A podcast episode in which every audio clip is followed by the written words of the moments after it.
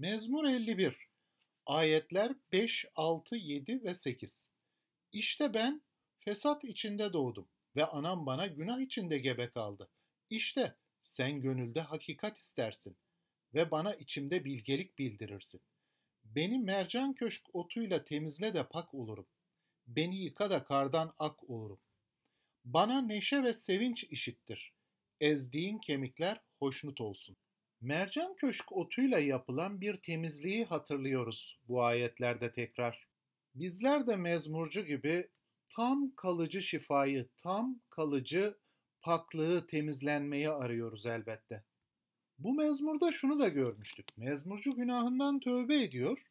Ancak mercan köşk otuyla yapılan temizlikten sonra bile annesinin rahmindeyken günahlı olduğunu da hatırlıyor.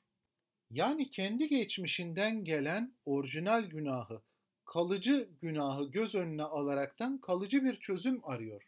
Böylelikle mercan köşk otuyla yapılan temizliği hatırladığımızda Mısır'dan çıkış da aklımıza geliyor. Mısır'dan çıkışta ne olmuştu?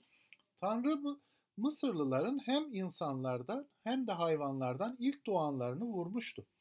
Ancak bu ölüm yargısından kurtulmak için bir yol vardı.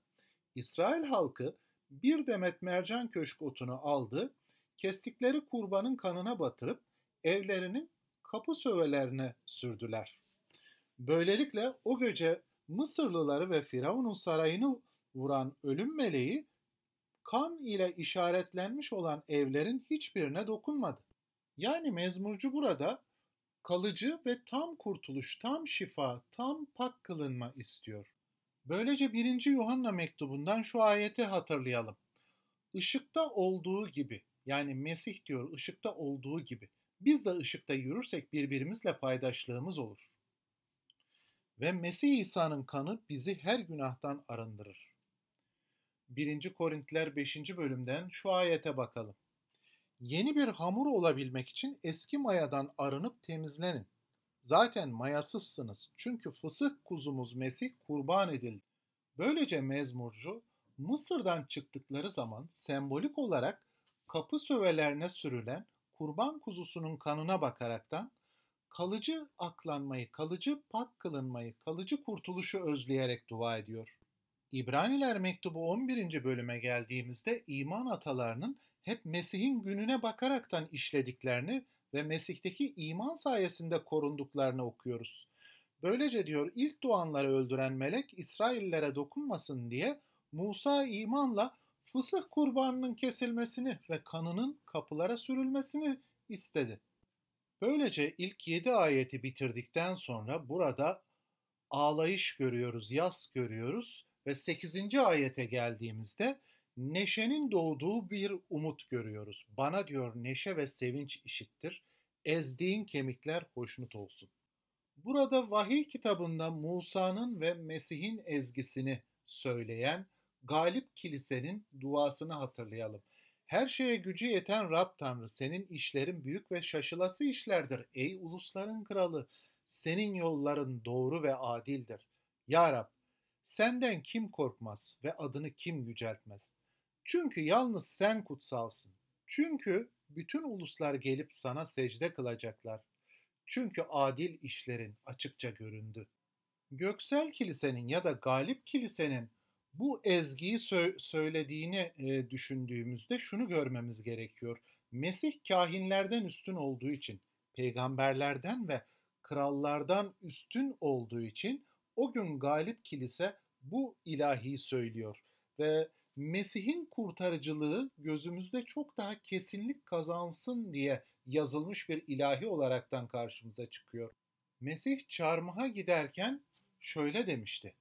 Bu benim kanımdır. Günahların bağışlanması için birçokları uğruna akıtılan antlaşma kanıdır. Benzer şekilde İbraniler de Mesih'in görkemini birinci bölümde şöyle anlatıyor. Oğul diyor yani Mesih, Tanrı yüceliğinin parıltısı, onun varlığının öz görünümüdür. Güçlü sözüyle her şeyi devam ettirir.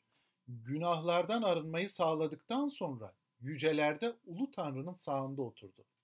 Yani suç ve günahlardan pişmanlık duymak, günahın diğerlerine verdiği zararı görmek, günahın Tanrı'nın kutsal ruhunu kederlendirdiğini bilmek ve bundan dolayı üzüntü duymak elbette önemlidir.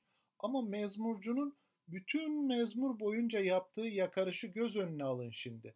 Burada umutla yapılan bir dua var.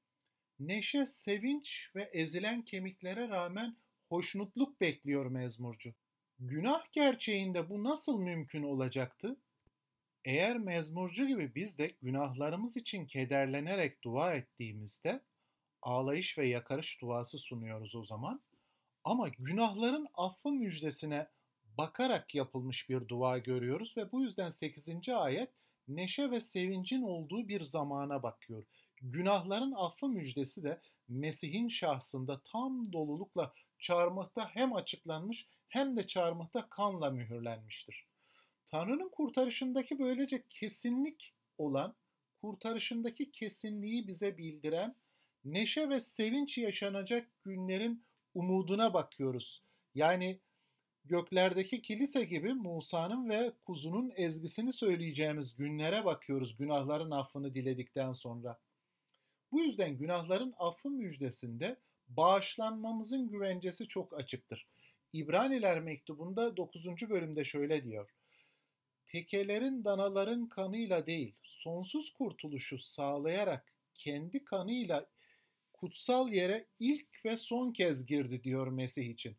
Çünkü kahinler kutsal yere bir kurban kanı ile girerlerdi. Ancak Mesih tekelerle danaların kanıyla değil, kendi kanıyla kutsal yere ilk ve son kez girdi. Böylece Mesih kutsal kılınanları yani kurtardığı Tanrı halkını, kilisesini tek bir sunuyla çarmıhta sunduğu, tek bir seferde sunduğu tüm zamanları kapsayan kesin bir bedel ile sonsuza dek yetkinliğe erdirmiştir diyor İbraniler 10. bölümde de. Mezmurcunun sözleriyle dua ederek kapatalım. Tanrı kuzusu Mesih İsa, kurbanı sunan mükemmel kahin sensin. Beni meş, mercan köşk otuyla arıt, günahtan pak olurum. Dünyanın günahını kaldırırsın, bize merhamet eyle. Tanrı kuzusu Mesih İsa, sunulan mükemmel kurban sensin. Beni kanınla akla, kurtuluş bulurum. Dünyanın günahını kaldırırsın. Bize merhamet eyle. Rab Tanrım, bana neşe ve sevinç işittir ve ezdiğin kemikler hoşnut olsun. Ya Rab, lütfet bana, günahtan dolayı bitkinim ve bana şifa ver. Günahtan dolayı kemiklerim sızlıyor. Ben senin sevgine güveniyorum ya Rab. Yüreğim kurtarışınla coşsun. Yasımı şenliğe döndür ve çulumu çıkarıp beni sevinçle kuşat. Bütün kemiklerim diyecek, senin gibisi var mı ya Rab? Mazlumu zorbanın elinden kurtaran, mazlumu ve yoksulu soyguncudan kurtaran, sen kutsalsın, bize merhamet eyle.